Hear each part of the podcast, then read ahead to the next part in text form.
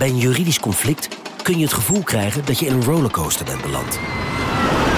Je wereld staat op zijn kop en je bent de controle even helemaal kwijt. Dan is het fijn als je bent verzekerd bij ARAG. Daar werken topjuristen en advocaten die je begrijpen. Die een stap extra voor je zetten. En je het gevoel van controle teruggeven. Met kennis en informatie, met heldere uitleg en met gericht advies. ARAG, juridisch probleemoplossers. Nieuw Aquarius Red Peach Zero Sugar. Met zijn heerlijke frisse persiksmaak zonder suiker draagt Aquarius bij tot jouw dagelijkse hydratatie en helpt zo mee om je vochtbalans op peil te houden tijdens alledaagse actieve momenten. Thuis, op het werk of onderweg. Ook verkrijgbaar in smaken lemon en orange. Probeer hem nu.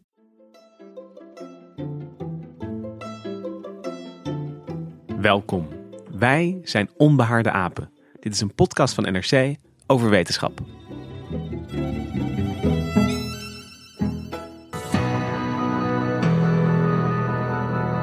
Gaia is the name given to the system of organisms that live on the Earth and maintain its climate suitable for life.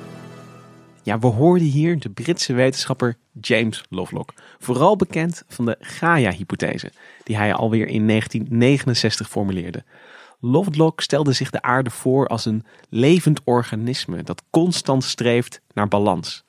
En nu het idee van Gaia 50 jaar oud is en Lovelock zelf 100 jaar, is het tijd om Gaia en Lovelock opnieuw tegen het licht te houden. Kunnen we iets van Lovelock leren als het gaat om het klimaat bijvoorbeeld, of over de staat van de planeet? Vandaag gaan we het hebben over deze wetenschapper die in zijn carrière al gelauwerd werd en tegelijkertijd altijd een tikkeltje omstreden is geweest.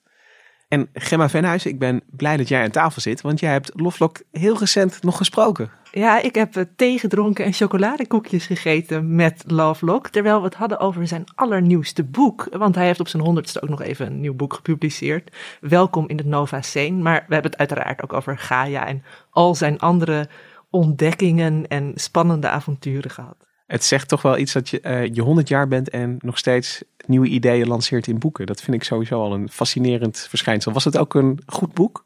Ja, nou, ik vond het, uh, het gaat over uh, de toekomst, Nova Scena, dus eigenlijk het nieuwe tijdperk. En daarin schetst hij een wereld die, waarin elektronica in die zin het, het, voor het zeggen heeft. En eerst dacht ik van, nou, wat is dit nou weer voor science fiction?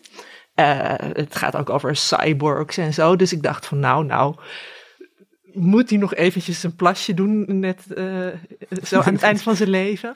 Maar um, het, het interessante was toen ik het ging lezen, toen was het heel erg genuanceerd ook. En ook toen ik met hem in gesprek was, toen zei hij op een gegeven moment, nou, cyborg, cyborgs, dat vind ik helemaal niet interessant. Toen zei ik, ja, maar dat staat letterlijk in je boek. Ja, ach ja, je moet ook niet alles wat ik schrijf even serieus nemen. Het, hij, hij, houdt van nadenken, hij houdt van grote ideeën postuleren en juist van die veelzijdigheid, uh, verschillende invalshoeken. En ik vond het, nou ja, uh, ik, vond het ontzettend leuk om met hem te praten. Hij heeft dat boek trouwens, um, we zeggen wel, hij heeft het geschreven, maar hij heeft het ingesproken. Hij heeft... Um, had zo'n zo gedicteerd, gedicteerd, want hij hield er niet meer zo van om te typen. Oké. Okay. Nou, over zijn laatste idee wil ik uh, straks ook nog meer horen. Maar waar we het vandaag vooral over gaan hebben, is de theorie, het grote idee waar hij bekend mee is geworden. En uh, dat is de Gaia-hypothese of Gaia-theorie. Kun jij in één zin proberen samen te vatten wat het eigenlijk behelst, Gaia? Eigenlijk kun je Gaia samenvatten als het, het hele systeem aarde. Dus, dus de aarde, het levenloze aarde, met daarop ook alle levende wezens, als één groot zichzelf regulerend systeem. En dat laatste is wel heel erg belangrijk, centraal in dat idee, toch? Dat het zichzelf in stand houdt eigenlijk. Ja, precies. Dat het gewoon in een dynamisch evenwicht is eigenlijk. Dat het gewoon uh, zowel het, het levenloze als, als de levende natuur, dat die samen zodanig op elkaar zijn ingesteld dat er een constante leefomgeving wordt gecreëerd. Nou, dat gaan we vandaag nog verder uitpluizen en uitpulken. En we gaan ook genoeg van Lovelock zelf horen, want jij hebt hem natuurlijk gesproken. Hendrik Spiering, jij bent ook aangeschoven. Hallo. Um, heb jij duidelijke herinneringen of gevoelens bij Lovelock? Heb je ooit nou, zijn boeken ik heb gelezen? Vage, vage herinneringen. Ik heb eigenlijk nooit een boek uh, van hem gelezen. Het, uh, ik heb een vage herinnering aan de jaren 70, misschien begin jaren 80. Uh, en dan past het helemaal in een soort alternatieve New Age sfeer. Waarin, zeg maar, uh, ja, dat hoorde je dan in een vegetarisch café, zeg maar. Toen vegetarisch nog underground was. Ja, toen vegetarisch nog underground was, ja. Wist je dat dat de moderne natuurkunde eigenlijk alles uit de boeddhistische wijsheid heeft bewezen. En in, dat, in één adem werd er dan ook gezegd van, ja, en biologen hebben nu ontdekt dat de aarde één groot organisme is. Eigenlijk een soort godin. Dus eigenlijk mag je niks meer eten van de aarde dan. Dat, ja, ofwel, want wij zijn ook onderdeel van de aarde. Ja, ik was natuurlijk niet voor één gat te vangen natuurlijk. Maar het, het, dus dat hele mystieke gevoel en ook een, een, een tot tevredenheid stemmende holistische eenheid van uh, we zijn allemaal één. Later kan je dan bedenken van ja, wat, hoe zit dat eigenlijk? Maar dat heb ik eigenlijk nooit gedaan tot, tot een paar dagen geleden toen ik voor deze podcast in uh, Gaia ging verdiepen. En ging wel een wereld voor me open, moet ik zeggen. Ja, ik ben ook wel benieuwd geworden naar, ja, zeg toch Lovelock was een wetenschapper naar de wetenschappelijke grondslag. Want ik ken het ook wel uit het, uh, het holistische New Age sfeertje een beetje. Maar ik heb het gevoel dat daar meer onder zit. En dat Gemma ons daar meer over gaat vertellen deze aflevering.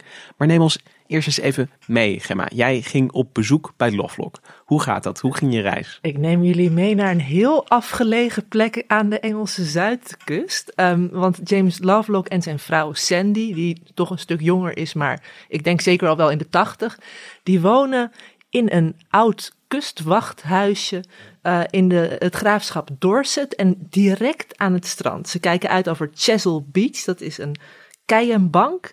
En uh, dichtstbijzijnde dorpje naar het oosten, dat is iets van zes kilometer.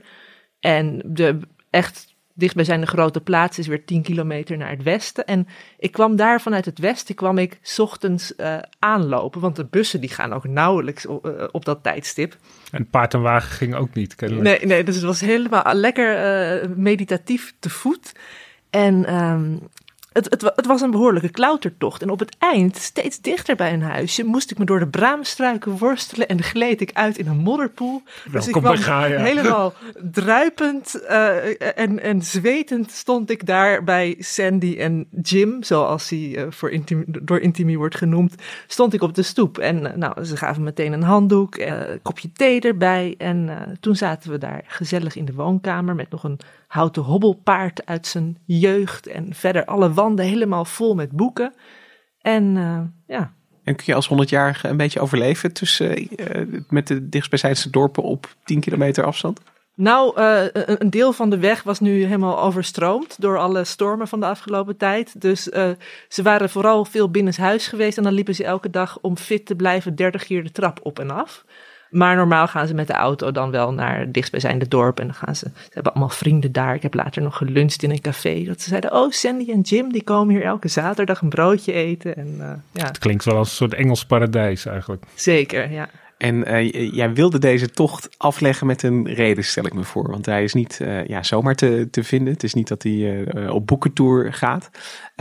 Was dat nieuwe boek waar je over vertelde, was dat ook de, de reden dat jij wilde spreken? Of, of was je nieuwsgierigheid groter dan dat? Nou, zijn naam, die heb ik voor het eerst al gehoord toen ik net aardwetenschappen studeerde. En wat ik op zich al wel leuk vond aan mijn studie is dat, het, dat het, het systeem aarde behandelt, maar het ging altijd over die levenloze natuur. En ik vind juist dat interdisciplinaire, juist die interactie tussen biologie en geologie, daar was ik wel door gefascineerd. Maar daar ging het eigenlijk nooit over. Tot ik tijdens een college over James Lovelock en Gaia hoorde.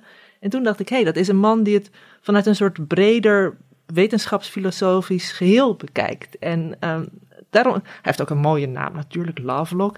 En sindsdien... Een onvoorstelbaar mooie ja, naam. Een beetje een Harry Potter personage. Ja, nou, precies. En daarom is hij, ik bedoel, ik heb over zoveel wetenschappers geleerd, maar hij is me altijd bijgebleven. En eerlijk gezegd dacht ik dat hij al lang dood was. Tot ik opeens las over zijn nieuwe boek. En toen dacht ik, nou, zo Moet hij leven. hoe oud die man eigenlijk is en hoe oud Gaia is. Ja, dus jij zat daar uh, ja, binnen in die mooie bibliotheek van hem met een mm -hmm. kopje thee. Ja, en hij mocht maar één koekje. Ik mocht uh, van zijn vrouw en ik mocht de rest. En uh, waar, Nu begrijp ik ook waarom die honderd is geworden natuurlijk. Traplopen, één koekje. en waar, waar begin je dan dat gesprek? Ah, ik was toch ook wel heel erg benieuwd naar zijn jeugd. Hè? Ik bedoel, wat heeft iemand die al een eeuw op aarde is allemaal meegemaakt? Hoe zag het er uh, in 1919 is hij geboren? Hoe zag het er destijds uit? En wat voor, wat voor omgeving groeide die op? The, the English countryside in those days was very beautiful. There was almost no farming. You could go from London, you could footpaths all the way from London to Bright to the south coast. Nou, eerst had hij het wat over zijn ouders, over zijn vader die hem de liefde voor de natuur bijbracht. En uh, allemaal wijsheden over, zoals dat je de giftige besjes van een taxusboom wel kunt eten als je de pitjes maar uitspuugt. Vooral het over zijn moeder, die heel erg uh, met de politiek bezig was en uh, ervoor pleitte dat vrouwen ook mochten roken, want dat was in die tijd was dat helemaal niet zo vanzelfsprekend. My mother, by contrast, was a very strong feminist. Very left wing. Dan dacht ik, oh ja, de natuurliefde heeft hij van zijn vader. De, de, de tegen de stroom inzwemmen een beetje van zijn moeder. En uh, nou, na die uh, jeugd ging hij uiteindelijk, uh, is hij afgestudeerd als scheikundige aan de Universiteit van Manchester. En meteen al aan het begin van die studie viel hij op. I remember when I was a student, I'd only been at the university two weeks when I was called to see the professor, who was a very good professor indeed. Uh, he said, Lovelock, he said, we're not, we're, we're, we're dismissing you from the university. We are not keeping students who are cheats. so I said, how on earth have I cheated? Yeah, why? He said, he said, it's quite simple. He said, first year students never, ever get the right answer to a practical analysis problem. and two times did. running. he said once would have been extraordinary. But two times it was It's too uh, much. You must have looked wow. up the answer. Ja, dus Lovelock maakt meteen indruk op zijn uh, leraren eigenlijk daar. Terwijl interessant dat iemand, als, als je dan honderd bent, dat je dan nog deze anekdote vertelt. Man ja. met zoveel, ja, hoeft echt geen indruk op iemand te maken. Dus... Maar het kwam ook omdat we het hadden over de, de, de, de schoolsheid van de wetenschap. Ik vroeg hem naar zijn visie op de wetenschap. En toen zei hij van ja, het is allemaal zo. Uh, hè, studenten leren eigenlijk meer om hun tentamens te halen dan dat ze echt leren samen te werken. En hij zei van iedereen zit ook in zijn eigen niche. Waarom moet je per se één studie volgen? Ook daarin heeft hij dat systeemdenken en is hm. hij meer van het bredere plaatje. En, en trekt dat dan door, want hij uh, krijgt uiteindelijk zijn gaten in de scheikunde. En daarna begon een ontzettend diverse loopbaan. Zijn allereerste paper publiceerde hij in um, de Tweede Wereldoorlog in 1942. En de titel was Sneezing and Disinfection by Hypochlorite. En um, dat ging eigenlijk naar de overdracht ook van virussen. During World War II One of the fears was that all the people congregating to escape bombing mm-hmm. in the shelters, there would be an epidemic like this SARS or, or this coronavirus, uh, and that would be more deadly than any, anything else. And so we spent a lot of time going in those uh, shelters and collecting microorganisms. Ook in 2020 een heel actueel ja. uh, onderwerp eigenlijk. Ja, nou. en, en, en, bijzonder dat uh, vind ik dan, als ik dat zo hoor, dat als hij denkt over een bombardement en mensen die ervoor schuilen, dat hij zich dan zorgen maakt over de micro-organismen die tussen die mensen overspringen. Wat niet de meest acute uh, bedreiging is, zou je denken. Maar nou, wel... nou, die mensen moeten daarna weer in de fabrieken werken om de wapens te maken. En de Spitfires natuurlijk. Dus ik begrijp wel dat de regering uh, Lovelock niet uh, naar het front stuurde, maar in het lab liet zitten. Ja, en hij is natuurlijk net na de Eerste Wereldoorlog geboren. En dat was ook nog in de tijd van de Spaanse griep. En ik denk dat, ik, ik weet het niet, dat ze in die tijd waren ze er toch bang voor. Maar hij zei wel dat uit het onderzoek naar voren kwam dat iedereen in de schuilkelder opvallend gezond was. They were, they were amazingly healthy. Da daarna bleef hij ook met dat gezondheidsonderzoek bezig. En het ging niet altijd. Ik denk dat het tegenwoordig niet meer helemaal door de ethische commissie zou komen. Dat er werden twaalf mensen naar een afgelegen eiland gebracht. Zes daarvan waren ziek of uh, die, die waren flink verkouden uh, en grieperig. En andere zes die hadden een lage weerstand. En dan gingen ze kijken.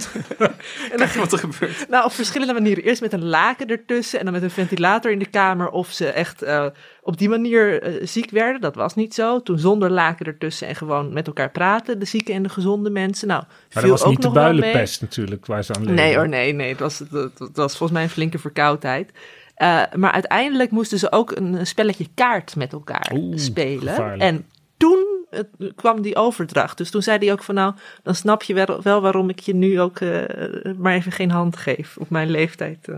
Ik vind het een heel, uh, het komt over als een hele scherpe man in ieder geval als je dit leuk. soort... Wat heeft hij nog meer onderzocht? ja, nou, nou, hij is naar eigen zeggen ook de ontdekker of de uitvinder van de magnetron.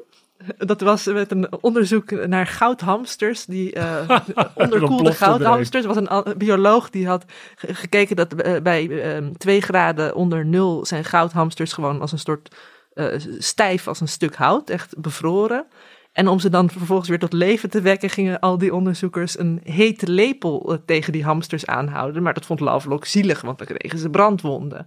En toen heeft hij bij de marine geregeld dat ze um, uh, microwaves, dat ze microgolven konden gebruiken. Want de marine gebruikte dat om, om onderzeeërs te radar, ja. En toen heeft hij een soort prototype van de magnetron ontworpen. Maar achteraf bleek er al iemand tien jaar eerder een patent op te hebben aangevraagd. Dus, uh, hij staat niet in de boeken als uitvinder van Nee, de, nee van maar, de maar uh, voor zichzelf is hij dat wel. En, maar als, als ik, uh, weet je wel, grieponderzoek, uh, het opwarmen van uh, hamsters in winterslaap.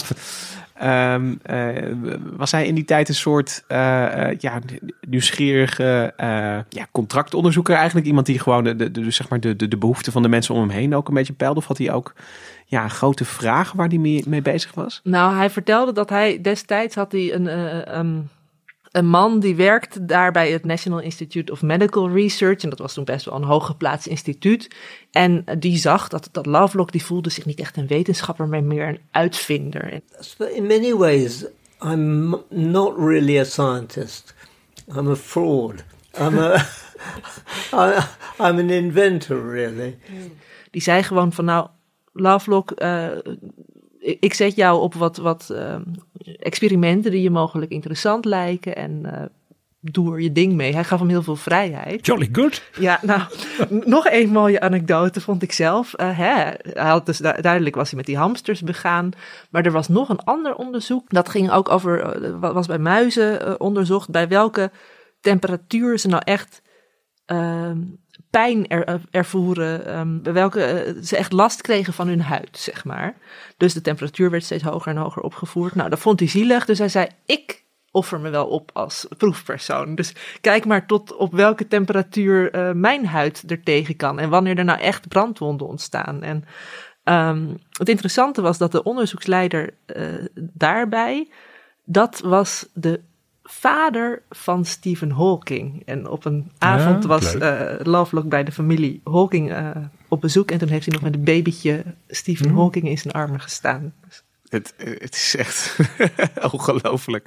Stephen Hawking, waar we trouwens de allereerste aflevering van Onbehaarde Apen aan hebben gewijd. Die wil nog wel eens een keertje terugluisteren. Maar alleen dat beeld al van, de, uh, van een jongere Lovelock met een, uh, met een baby Stephen in, uh, in zijn handen is al goud waard. En uh, als het dan gaat om, om zijn, zijn wetenschappelijke carrière. Op een gegeven moment krijgt hij dat aanbod van, van, je, van uh, uh, je mag experimenten gaan, gaan doen en eigenlijk je eigen nieuwsgierigheid gaan volgen. Dus niet meer ja, iemand anders die zich afvraagt van wanneer hebben muizen pijn, maar dat, dat, dat Lovelock een eigen richting in mag slaan.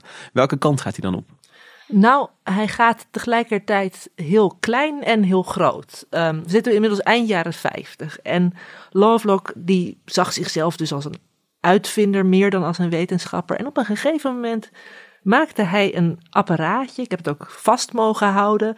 Uh, en dat noemde hij de Electron Capture Detector. En met dat apparaatje heeft hij aangetoond dat wereldwijd in de atmosfeer er eigenlijk chloor-fluor-koolwaterstofverbindingen um, in de atmosfeer zitten van de CFK's. Ja, dat is een berucht gas natuurlijk, inmiddels. Want toen was het een onschuldig uh, gas wat handig was in de koelkasten. Ja, het werd inderdaad veel voor koelkasten gebruikt. En, en nu bleek dat het over de hele wereld verspreidde, omdat uh, die uh, kapotte koelkasten, daar liep het gewoon uit natuurlijk.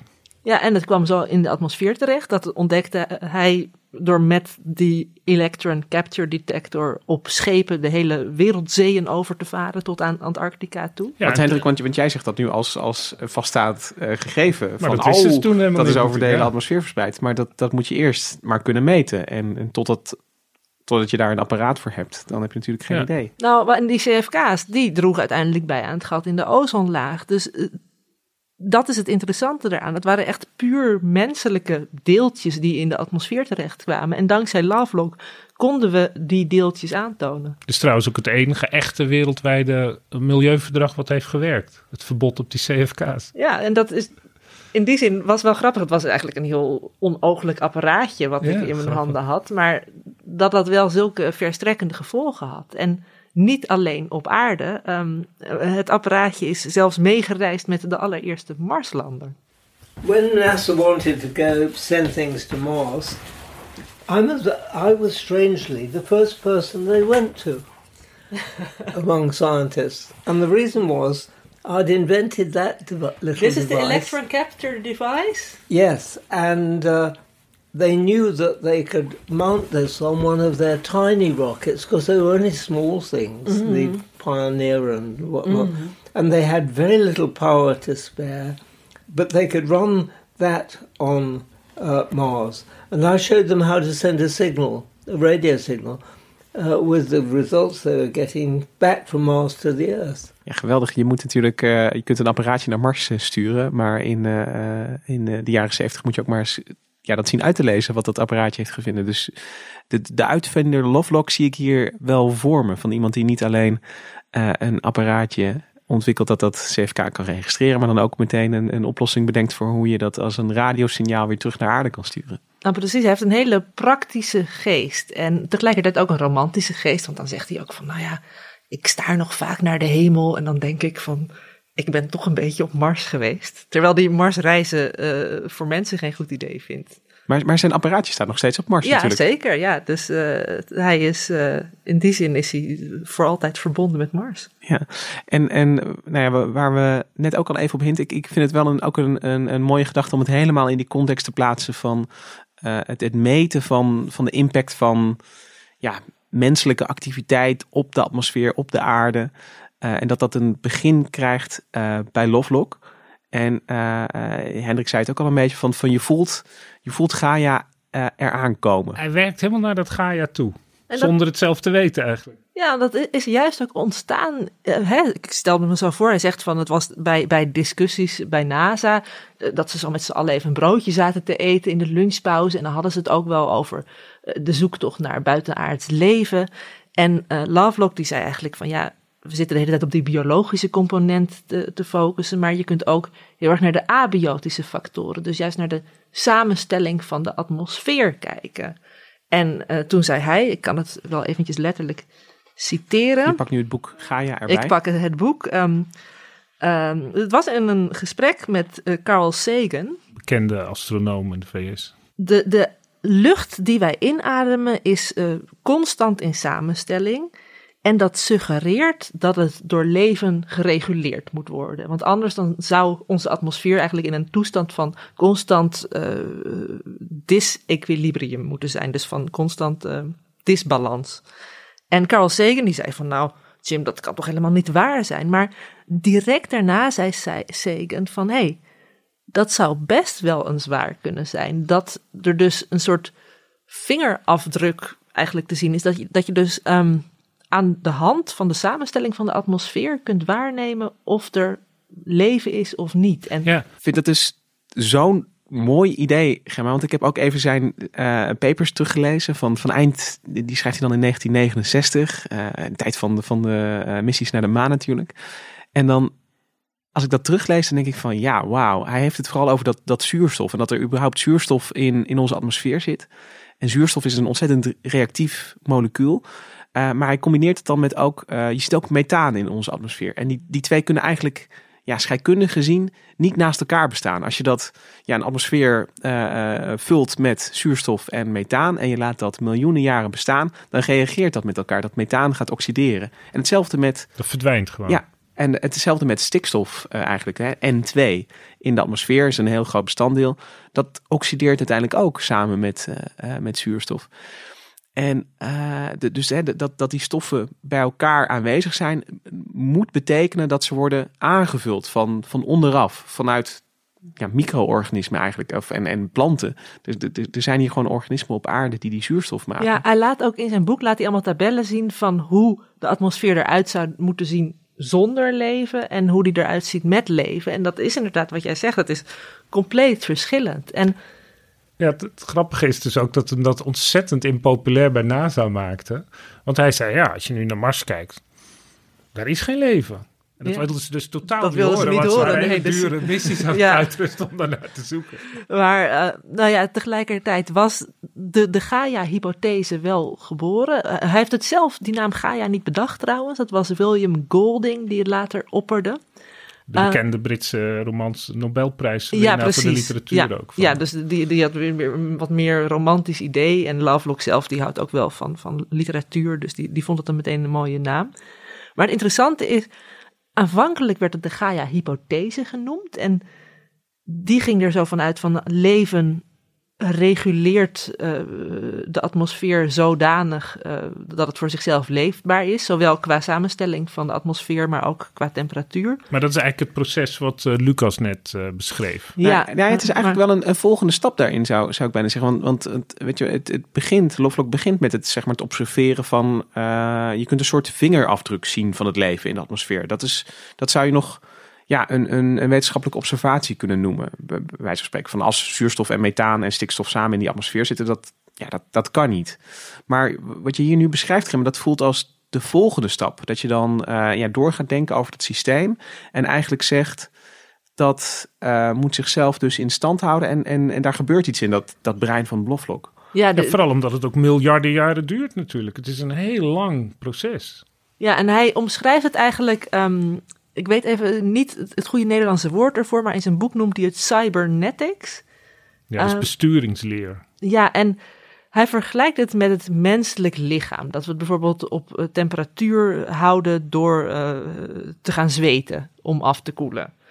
En we hebben het net al even gehad over. hij gaat dus nadenken over Gaia. Van hoe zorgt dat leven ervoor dat het, dat het een, een voor zichzelf leefbare omstandigheid creëert. En dan gaat het dus over de, de, de, de samenstelling van de atmosfeer, maar het gaat ook heel erg over de juiste temperatuur. En dan heeft hij het over algematten, over witte algematten, die kunnen dan zonlicht reflecteren eh, om het koel te houden. Zwarte eh, algematten, die kunnen dat juist weer zonlicht absorberen. Ehm, dus hij, hij gaat steeds meer bewijzen eigenlijk zoeken in de natuur die die hypothese kunnen ondersteunen. En Maar die hypothese is dan dus dat leven heeft een effect op zijn omgeving, waardoor het eh, voor leven makkelijker wordt om te leven. Ja, eigenlijk, nou, het is wel goed om hier onderscheid te maken tussen de Gaia-hypothese, zoals die eerst werd genoemd, en de Gaia-theorie, zoals we het nu noemen. Want bij die hypothese zat hij heel erg te focussen op leven maakt de aarde leefbaar voor zichzelf. Dus ehm, die, Alsof het een, een, een bewustzijn heeft. ja, zeg maar. eigen- eigenlijk alsof het doelbewust de aarde naar eigen behoeven een beetje aanpast. En daar kreeg hij ook wel kritiek op, dat het misschien net iets te zweverig was. Of wa- waar, waar jij het een beetje over had, over dat New Age gevoel. En daarom kwam hij vervolgens in de jaren tachtig met een aanscherping ervan, de Gaia-theorie. En daarin gaat het meer over de, de wisselwerking tussen abiotische en biotische factoren. Dus is het niet meer het leven dat doelbewust de aarde aanpast, maar eigenlijk meer eh, het levenloze en, en, en, en het levende dat op elkaar reageren en samen voor dat, ja, dat eh, dynamische evenwicht, het hele systeem eh, in stand houden. Ik ben wel benieuwd naar, naar dat onderscheid tussen hypothese en, en theorie. Want, want ik, ik zou zeggen van, van een hypothese, dat is een, ja, een, een stelling die zeg maar toetsbaar is. Eh, dus, dus als hij zegt van ja, het, het, het leven schept gunstige omstandigheden voor zichzelf. Ik vraag, ik vraag me af hoe überhaupt of dat een, een, een heel ja, toetsbaar idee is. Want als je daarvoor aanwijzingen gaat zoeken, dan ga je ze misschien altijd wel, wel vinden. Er zit een soort, eh, eh, weet je, er zit ook een beetje een probleem in dat we maar één aarde hebben hierin. Dus, dus, dus Ja, want Eh, het kan ook gewoon. Kijk, het, is natuurlijk een feit dat we nu eh 4 miljard jaar eh, leven hebben, of 3,5 miljard jaar leven. En het is tot nu toe goed gegaan. En je kan zeggen, nou, die bacteriën die produceren zuurstof op een gegeven moment, of die, die algen. En daardoor is er meer cellig leven voortgekomen. En die produceren ook weer van alles. En zoals een, een regenwoud, zeg maar, in feite in een woestijn staat. Maar omdat die alle vocht kan vasthouden. En doordat die, uh, die verdamping uh, komen er ook weer nieuwe regens. En dan ontstaat een systeem wat zichzelf eigenlijk verbazingwekkend goed in stand kan houden. Maar ja, als je nou naar de, uh, de voortgang van het leven kijkt, zijn we toch een paar keer behoorlijk uh, langs het randje gegaan. En niet alleen maar door, door inslagen van uh, meteorieten, maar ook door. Je hebt de Snowball Earth gehad, waardoor er door allerlei omstandigheden een soort uh, gletsjer over de hele wereld was. En toen was er ook leven. Nou, dat hebben ze kennelijk niet kunnen voorkomen. Dat scheelde volgens mij niet veel. En je hebt bijvoorbeeld, wat ik altijd heel interessant vind, dat het in de 50 miljoen jaar geleden ontzettend warm werd. Er wordt vaak vergeleken met de huidige opwarming. Ja, was dat nou gunstig of ongunstig? Het is allemaal een beetje toeval. En ja, al die aardes die er in de hele universum zijn geweest waar het mislukt is, daar is nooit een bioloog kunnen ontstaan met bewust leven die dat heeft opgeschreven. Alleen hier. Nou, ik vroeg Lovelock nog wel ook uh, hoe het zou zijn als je bijvoorbeeld vormen van vroeg leven naar Mars zou brengen. Of als je uh, stromatolieten, dus hele primitieve levensvormen eigenlijk, op Mars zou inzaaien. Zou je dan niet ook op den duur weer een soort uh, nieuwe aarde ja. kunnen creëren? En dat is wel een goede experiment van, voor de hypothese. Want als het leven zijn eigen gunstige omstandigheden bevordert, zou je... Ja, ik bedoel, het is, het is praktisch natuurlijk een hel om uit te voeren. Maar dit is, dit is wel iets wat je zou kunnen doen om te kijken of het dan uh, door het, het, leven wat je inzaait het makkelijker maakt voor ander leven. Het lastige daarmee, zei Lovelock, is dat je ontzettend veel geduld moet hebben. He? Je kunt wel een soort tuintje op Mars aanleggen, zei hij, uh, maar... You would have to live a long time, because mm. the evidence suggests it might have been as long as uh, a million or more years uh, before that mixture actually formed formed a, a, reproducing form of life. Wij zullen niet meer meemaken. Wij, wij kunnen niet meer het resultaat uh, daarvan aanschouwen. En um, nou ja, hij zei dus over de Gaia-hypothese zei hij van um, uh, life does not regulate or make the earth comfortable for itself, zoals die eerste dag. En vervolgens kwam hij toen met de theorie dat leven meer samen in samenspel werkt met, met de oceaan, met de lucht, met de gesteente. Dus eigenlijk zoals die hele kringlopen die we tegenwoordig ook wel kennen. En um, toen maakte hij in de jaren tachtig daar ook een wiskundig model voor. Uh, om wat meer wetenschappelijke basis te geven Van die aan zijn feedback ideeën. tussen de levende en de levenloze natuurlijk. Ja, en, en wat voor invloed dat bijvoorbeeld had ook op, op het klimaat. Want het oude beeld is zeg maar dat het leven uh, functioneert in een toneel. Dat is zeg maar de dode natuur, bergen, rivieren. Ja, voor Lovelock bedoel je. Ja. ja, en dat leven ontstaat en dat vecht dan tegen de omgeving en overleeft. En bij Lovelock wordt het dan dat die omgeving, die, die, die niet levende omgeving, een feedback en een wisselwerking met het leven heeft. Waardoor zeg maar de grens tussen leven en levenloos veel moeilijker te trekken is dan in dat oude model. Ja. Zeg ik het goed? Ja, het is gewoon één groot systeem geworden. Het, het toneel beweegt mee, Ja. zeg maar. Ja, ik denk dat het een, een, ook de moderne kijk een beetje is geworden. Maar ik vraag me wel af van, en misschien ben ik te puristisch in mijn uh, uh, wetenschappelijk systeem, maar als hij van zegt van, oh nee, eerst had ik een hypothese en nu is het een theorie. Als ik denk aan, aan een theorie, dat is dan iets wat waar zoveel bewijs voor is dat het een zeg maar een, een groter, uh, net zoals je in de tijd van Darwin kun je nog, zou je nog kunnen spreken over de evolutiehypothese. En op een gegeven moment is er zoveel bewijs voor dat het een, een, een heel, ja, dat het eigenlijk een, een, een, een, goed model van de werkelijkheid lijkt te worden. En dan spreek je van de evolutietheorie. Is er zoiets? Ja gebeurd met Gaia? Was, was, hoe was de. Is, of, of is het meer een, een term die Lovelocker zelf opplakt? Het omslagpunt kwam in de jaren tachtig toen James Lovelock een computermodel ontwikkelde dat hij Daisy World noemde, maar de liefjeswereld. Hebben jullie daar wel eens van gehoord? Ja, en ik, uh, ik vind het echt prachtig, omdat het namelijk zo onvoorstelbaar simpel is. Het is dus je hebt een zon die net als de echte zon langzaam steeds warmer wordt. Dat is ook een van die problemen die die Gaia-hypothese probeerde op te lossen. Dat de temperatuur relatief constant blijft op aarde. Maar je hebt dus een zon die steeds warmer wordt. En je hebt dan een aarde die draait eromheen. Maar die aarde heeft niks. Dus gewoon grond, vruchtbare grond. Met daarin madeliefjeszaad. En er hebt twee soorten madeliefjes. Witte en zwarte. Ik heb trouwens nog nooit zwarte madeliefjes gezien, maar op die planeet bestaan ze. En dat is het. Er is geen atmosfeer, niks. En wat Lovelock dan beschrijft en ook wiskundig en, en in dat computermodel laat zien, want er zitten allemaal uh, feedback loops in, er wordt allemaal uitgerekend hoe dat effect op de temperatuur is. Die zon die begint koud, bij wijze van spreken, tot het dan net warm genoeg is voor het eerste zaad om uit te komen. Dan hebben de warme, of de, hebben de zwarte madeliefjes een voordeel, want die, omdat de kleur zwart Die trekt, absorberen de zonnewarmte, ja. steeds meer. Dus de aarde wordt relatief warm warmer dan het anders zou worden. Ja, en dat Dus is pech de- voor de zwarte madeliefjes. Nou, in het begin natuurlijk niet, want dan kunnen ze zelf groeien. Maar de witte madeliefjes, die, hebben een, die kunnen eh, beter groeien als het nog warmer is. Dus de zwarte madeliefjes, die maken het warmer dan eigenlijk zou zijn. En vervolgens komt er een soort opslagpunt dat het, de witte madeliefjes ook een kans krijgen. En intussen wordt die zon maar warmer en warmer. Dus er komt steeds meer warmte. En dan ontstaan de witte madeliefjes. Maar nou, witte madeliefjes, die kaatsen dat, die warmte van de zon weer terug. Ja, Dus net dan zoals zeeijs nu doet. Heeft een dempend effect op de temperatuur. En die wisselwerking, dat, heb ik ook, dat, dat lees je dan ook wel een beetje in de stukken, was ineens een soort eye-opener. Voor, kijk, voor ons is dat nou eigenlijk normaal, want dat soort feedback, je noemde al dat zeeijs met het hele broeikaseffect, gaat het alleen maar over dat soort dingen.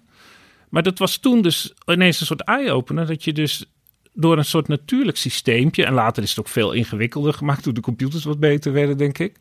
En dat vond, ik denk dat toen ik vind het ook een beetje overdreven verschil tussen hypothese en theorie. Maar ik denk dat ze toen dachten, nou, dan is het wel een theorie, want het, het systeem kan bestaan. Het is trouwens een heel treurig einde aan Daisy World, wat vaak in de beschrijvingen wordt vergeten. Namelijk dat het op een gegeven moment zo warm wordt, dat ook de witte madeliefjes het loodje leggen. En dan hebben we alweer een dode planeet over. Oh, Dat is uiteindelijk ook het, eh, de, de, de eindsituatie op planeet Aarde natuurlijk, als de, eh, als de Ja. zon opgaat. Maar eh, is, is, is, is hier dan hè, met, met, met eigenlijk een soort ja, inzicht in, in dit soort zelfregulerende systemen. En ik, ik maak het wat abstracter dan Gaia. Ik, ik for- formuleer het wat klinischer, want, want Gaia, daar zit toch een beetje dat ja, moeder aarde idee in. Maar ehm, eh, is, is, is, is dat dan waarom we het eh, dus een, een theorie noemen? Het inzicht dat zelfregulerende systemen eigenlijk overal zijn. En niet alleen in ons lichaam, maar ook eh, op de planeet. Dat heb je heel mooi samengevat. Ja, en ik wil toch nog iets over dat Gaia zeggen, want daar zit ook een, een kernpunt in. Dat ehm, eh, het is ontzettend. Biologen praten ook altijd als het over dieren gaat, alsof een soort een bedoeling heeft. Een krokodil wil dit, een krokodil wil dat. Maar zo gaat het in werkelijkheid natuurlijk helemaal niet. En zo, dat Gaia. Er zijn dus ontzettend veel eh, eh, evolutionair biologen geweest. Dawkins is daar een hele belangrijke van. Die heel veel kritiek op dit idee hebben gehad. Want die hebben een bloedhekel aan een soort overkoepelende bedoeling die er in het leven zou zitten. En wij spreken ook, ik hoorde het jou net ook doen, het is onvermijdelijk dat je zegt het leven wil omstandigheden creëren. Het leven wil helemaal niks. Er zijn allemaal kleine actoren en er gebeurt van alles. En eh, het eindeffect als een soort emergent systeem, zo wordt het dan genoemd, het is ook maar weer een woord, ontstaat er dus een, een soort overkoepelend effect. Maar daar heb ik het ook wel met hem over gehad. En dat was ook wel wat hij zei van... Hè, eerst dacht hij dus ook van het leven wil iets. Maar later ging hij meer naar die emergente ehm, gedachte. Er ontstaat iets als gevolg van die wisselwerking... tussen levenloze natuur en levende natuur. Ja, en ik denk dus dat die, dat die Daisy World, zeg maar, een soort eye-opener is geweest. Dat dus volkomen duidelijk dat er alleen maar individuele daisies zijn die doen wat daisies nu eenmaal doen. En toch ontstaat daar dus een soort thermostaat-effect.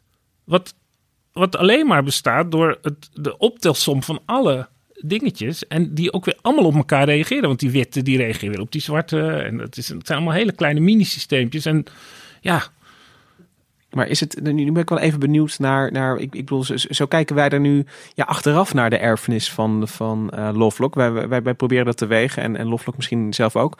Maar eh, op het moment dat hij deze idee voor het eerst formuleert, Gemma, wordt het dan meteen gezien als een, een, een belangrijke bijdrage aan eh, het inzicht in, in leven op aarde? Heel gemengd. Er was ehm, eigenlijk, hij had ook een co-auteur met dat eerste artikel over ehm, Gaia, Lynn Margulis, een microbiologe. En zij was ontzettend voorstander van die theorie. En zo waren er nog wel meer.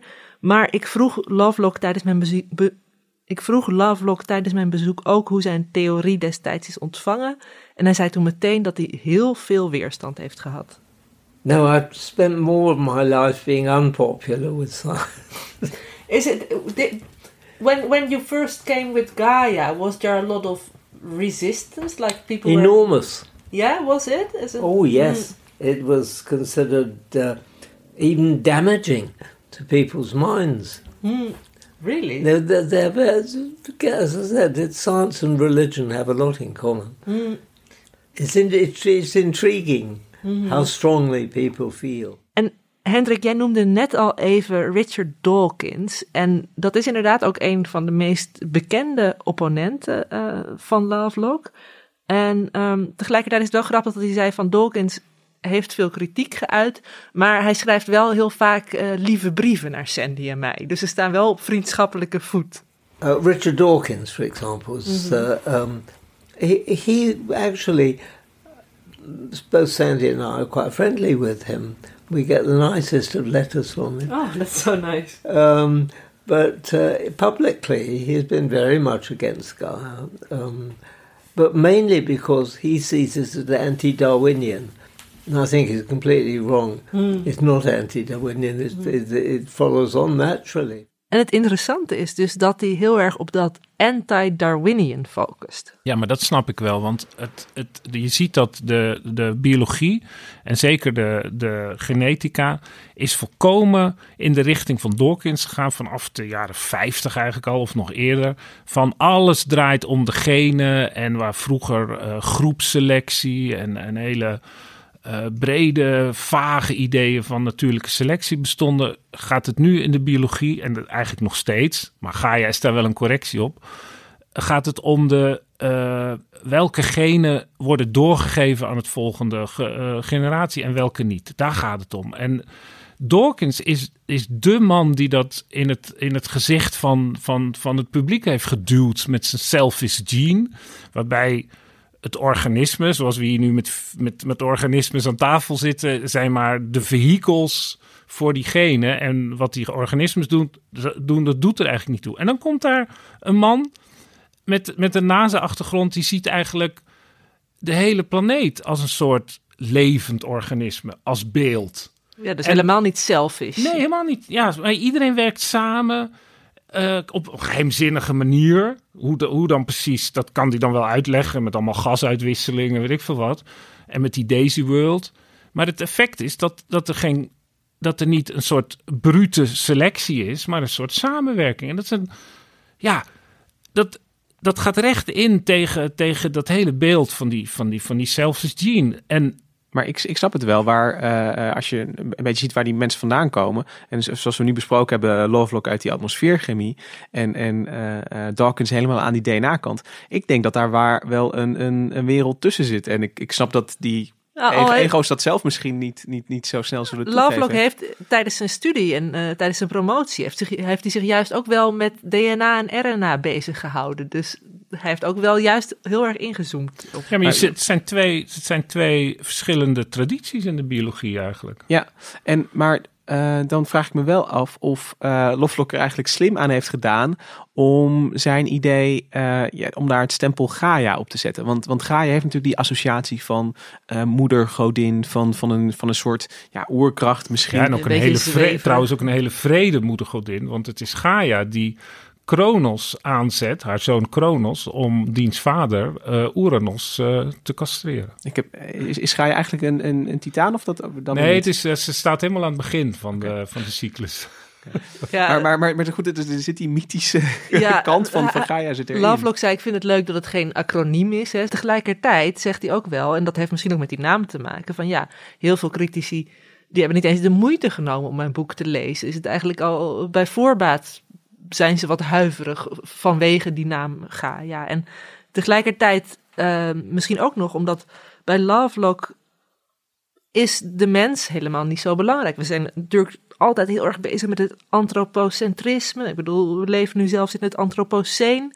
Maar er is helemaal geen, geen center in de wereld van Lovelock. Alles en iedereen is even belangrijk. En eh, die micro-organismen die hebben net zoveel invloed als wij. Ja, over de, die naam Gaia, daar heeft de, de, de Franse wetenschapsantropoloog eh, Bruno Latour wel een heel mooi stuk geschreven, een essay. Daar heeft later ook een boek ervan gemaakt, volgens mij. Why Gaia is not a god of totality. En het, daarin was voor mij ook alweer een eye-opener om dat te lezen. Want het gaat ook heel erg over die strijd met Dawkins. En hij zegt van ja, als je nou kijkt hoe uh, Lovelock met de metafoor omgaat van Gaia, dan zegt hij altijd van.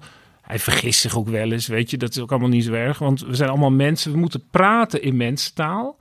En dan is Lovelock eigenlijk heel precies. Hij zegt altijd: het lijkt wel alsof het is een soort samenwerking.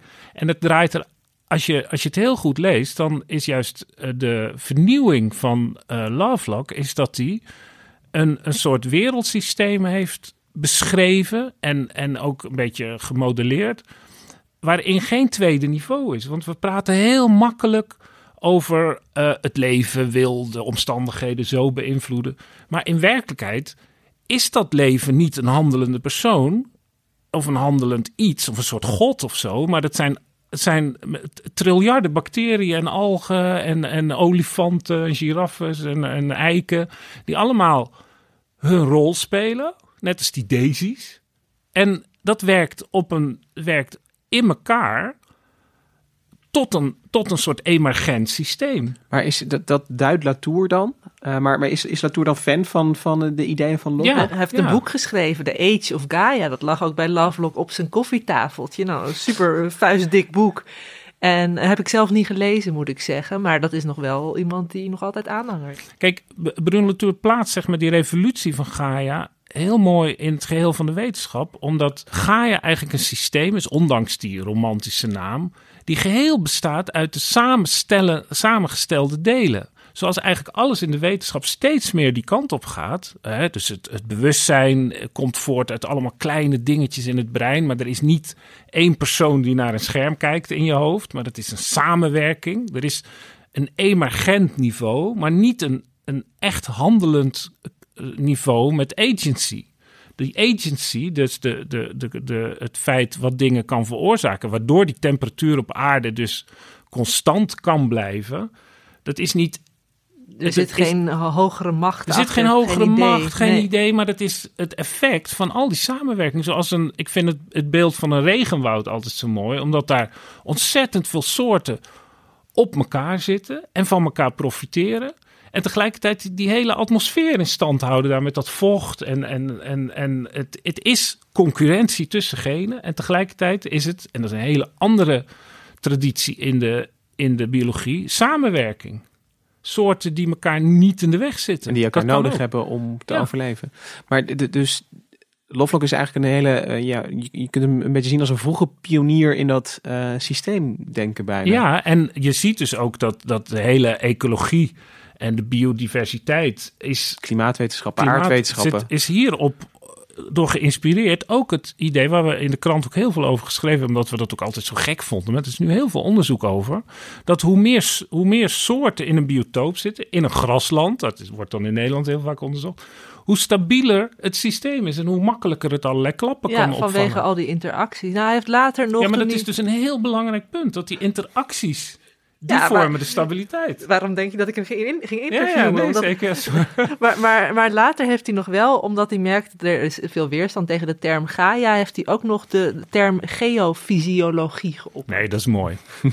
Echt, uh... Nee, maar, maar dat, is, dat is dan uh, iets meer de koude uh, wetenschap zit daarin. ja, maar dat, dat vond ik zo mooi van, van Latour, dat hij duidelijk maakt dat het ook schijnkoude is. Want we gaan dan, omdat die man dan uh, Gaia het naar een godin heeft genoemd, gaan we er van alles in leggen. Wat Zoals jouw niet... vegetarische vrienden. Ja, ja. En ja, dus de, de, omgeving heeft hem eigenlijk een beetje, is er mee aan de haal gegaan. Maar het is dus ook een soort schijnprecisie aan de andere kant. Dat als je het dan, hoe heet het nou? Wat zei je nou? Geofysi Geofysiologie. Ja, Dat het dan opeens wel Oh, ja, geaccepteerd dan is het goed. Weet Ja, je, maar dat, dat het dan een- in de wetenschappelijke taal past, dat het dan eh, mee mag doen. Ja, we, we zitten nu eigenlijk, net zoals Latour altijd heel vaak doet, een stapje buiten de wetenschap. Maar het is wel interessant om ook op die manier na te eh, gaan. Ja, hoe Gaia zeg maar zijn sporen heeft achtergelaten in, het, eh, eh, in de wetenschap. Waar ik nog wel benieuwd naar ben, Gemma, is dat eh, eh, ja, Gaia is, is veel eh, bediscussieerd en, en tegen het licht gehouden. En, en ja, z- z- zit de, de planeet nou wel zo in elkaar of niet? Maar ik vroeg me af wat we in 2020 nou echt nog moeten meenemen van Gaia, van die ideeën die Lovelock heeft geformuleerd. En kunnen we dat gebruiken om onze moderne problemen te begrijpen, zoals klimaatverandering? Nou, dat is leuk dat je klimaatverandering noemt, want dat is natuurlijk bij uitstek. Hè, we hebben het de hele tijd over temperatuurregulatie gehad. En ehm, dan denk je van, oh, nou ja, als Gaia toch zichzelf, eh, voor zichzelf zorgt, hoe zit dat dan? En ehm, eh, daar zegt Lovelock verschillende dingen over. Ten eerste dat Gaia voor zichzelf kan zorgen tot op zekere hoogte. Als je een grens overgaat, dan, dan eh, komt ook Gaia in, in moeilijkheden. Dan is dat dynamische evenwicht zoek. Maar in die tijd dat hij het boek schreef, was er een beetje een andere kijk, of juist een radicaal andere kijk nog op klimaat. Want toen dachten ze dat er een nieuwe ijstijd zat aan te komen. Dus aan het eind van zijn boek oppert Lovelock zo waar om die CFK's, die, die hij dus eigenlijk ontdekt heeft, om die op grote schaal als broeikasgas eh, de atmosfeer in te pompen om de aarde maar een beetje op te warmen. goed idee. En eh, nou ja, ik vroeg hem daarnaar en eh, daar zei hij het volgende over. Yeah, don't forget, I wrote that first book a long time ago, and I think I've acquired a bit of wisdom since then. I, I think we should interfere as little as possible, and it's interfering which is causing much of the damage at the moment. I mean, if we weren't, uh, if we hadn't discovered that burning coal and oil are great ways of heating yourselves and driving cars and uh, planes and things, we wouldn't be in the mess that we're in at the moment. Ja, en dat is eigenlijk ehm, wat hij ook in zijn huidige boek, Welkom in het Nova Scene, beschrijft, is we zijn de grenzen nu te veel aan het naderen, te veel aan het opzoeken. Gaia is niet de jongste meer, net zoals Lovelock zelf. En dat maakt eh, de planeet ook, ook kwetsbaarder in zekere zin. En ehm, als we maar door blijven gaan met de opwarming, dan komt er een moment dat die hele zelfregulatie niet meer werkt. Eh, dat albedo-effect waar we het net over hadden met de witte Oh. Volgens mij kan je ook zeggen dat het. het, het, het, want, kijk, het, het hele idee van Gaia als een soort evenwicht. Dat is natuurlijk nog altijd maar een hypothese. Want ja, het kan altijd misgaan, precies wat jij ook zegt. En maar je kan ook nog zeggen, ja, dat, dat, dat, dat, dat wij, wij ruimen onszelf op als verstoring van het evenwicht. Want op een gegeven moment is de menselijke beschaving eh, door zeespiegelstijging ten einde. En dan, sommige mensen denken, volgens mij. eh, ja, en dan, blijft, dan blijft Gaia Ja. als systeem en gewoon dan werken kunnen de tijgers natuurlijk. weer gewoon eh, expanderen. Maar als je dan naar die planeetwetenschapper Lovelock gaat uit de jaren 60, en ik bedoel dat die signatuur van leven op aarde, die zal ook op een opwarmen, na een opwarmende aarde nog, nog zichtbaar zijn. Dan, dan zie je nog steeds een atmosfeer die voor een deel ge- gevuld is met zuurstof en met Ja, methaan en al die stoffen die het leven zeg maar eh, uit blijft pruttelen. In het Mioceen, eh, toen het ook eh, ontzettend warm werd, 50 miljoen jaar geleden, ontstonden er ook allemaal nieuwe soorten. En stierven er ook uit. Ja, Maar- dus het grote plaatje, dat blijft dan in stand. Ja, je, uit- want als je het vanuit de mens bekijkt, is het natuurlijk vrij vervelend wat er gebeurt. Maar voor de planeet, ja, Maar is, is eh, Gaia is, is daarin wel een, een nuttig frame, eh, krijg ik het idee, om, om zeg maar de, eh, ja, naar, naar de wereld mee naar te kijken. Ja, ook naar biodiversiteit. Zo, zo zie ik het altijd. Want daar gaat. hè, ik heb een keer de, de conserv- conservatiebioloog Stuart Pim geïnterviewd. En die is ook heel erg van. Elke soort heeft zijn nut in het grotere geheel. En met die blik naar de biodiversiteit kijken, dan zie je ook van. We kunnen niet zomaar wat soorten uitroeien en verwachten dat alles wel hetzelfde blijft. Want alles interacteert. Maar ik vind de Gaia het, het als, als idee ook veel minder een soort theorie die alles verklaart. Dat is wel een manier van kijken. Zeg maar, je kijkt in ecosystemen, feedbacks. Ja, dat bedoel ik eigenlijk. En- dat, dat het, het perspectief dat je Ja, ja. inneemt met Gaia, dat is gewoon een, een, een hele nuttige om eh, eh, ja, te, te begrijpen hoe, ja, hoe we hier met z'n allen eh, eh, gekomen zijn en eh, eh, wa- waarom het ook door blijft gaan. En Gemma, als je dan toch, uh, je, je, ging daarheen en uh, Lovelock had net een uh, boek uitgebracht. En je, zei, je, zei er al in het begin iets over. Daar, daar zitten cyborgs in en het gaat over het Nova Scene. Ja. Ik ben toch benieuwd van, van ik bedoel, hij is, hij is inmiddels 100 jaar. En dat hebben we ook al een paar keer gezegd. Dus, dus, maar hij klinkt echt verrassend helder en crisp, zou ik zeggen, in zijn citaten. Jolly good. En, maar... Uh, ja, wat, uh, waar is, is hij nu in zijn denken over, over de aarde en, en hoe de mensen daar uh, tekeer gaan?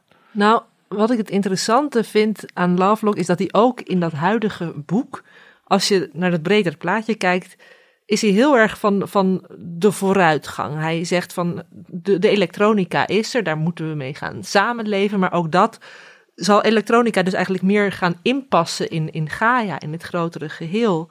En hetzelfde um, heeft hij ook heel erg met uh, vervuiling, met, met plastic. Hij zei van dat is er nou eenmaal. We moeten niet weer terug willen naar per se de staat van 100 jaar geleden. Maar we moeten manieren vinden om dat in te passen in Gaia. Dus hij blijft die, die helikopterblik eigenlijk. Spreekt hij zo? Dat hij dat inpast in Gaia? Nou, in zijn, in zijn boek refereert hij wel een paar keer aan Gaia. In ons gesprek zei hij meer van ja, plastic is er nu. We moeten niet zoeken naar een manier om plastic weer kwijt te spelen, maar wel naar manieren waarop we dat uh, duurzaam kunnen, duurzaam kunnen doen. En tegelijkertijd, uh, ja, hij noemt nog steeds wel uh, het grootste probleem ook overbevolking. Hij zei, ja. je hoeft niet meteen de hele mensheid om te leggen, maar uh, blijf wel. Blijft een praktische man natuurlijk. probeer wel dat, dat enigszins te reguleren. En um, uh, in die zin heeft hij dit boek gewoon weer uh, ook als een soort, soort gedachte-experiment geschreven. Hij zegt ook meerdere keren: dit is niet de waarheid. Hè? Ik heb niet de waarheid in pacht, maar hij vindt het leuk om wat proefballonnetjes op te laten. Dat vind ik ook zo bijzonder aan die man. Als je ziet wat een ideeënrijkdom het is. Ja, en, en wat, hij heeft een soort bom neergelegd met dat Gaia, ook met die naam. Ja. En ja, we zijn er nog steeds. En het is zo populair geworden met die interacties en alles. Nou ja, met het, het, zoals we net hebben gezien, het is nog heel erg vervlochten met van alles. En het leuke is, uh, het is niet eens het laatste boek. Wat, het boek wat hij nu heeft geschreven, hij is alweer met een nieuw boek bezig. Dus wie weet ga ik er over een paar jaar weer langs. Uh, en dat gaat over de uh, evolutie van steden. Want hij vergelijkt steden heel erg met termietennesten, met termieten, hoe noem je dat? Um, heuvels. heuvels. En um, uh, dat juist steden een soort broedplaatsen van evolutie zijn. Maar...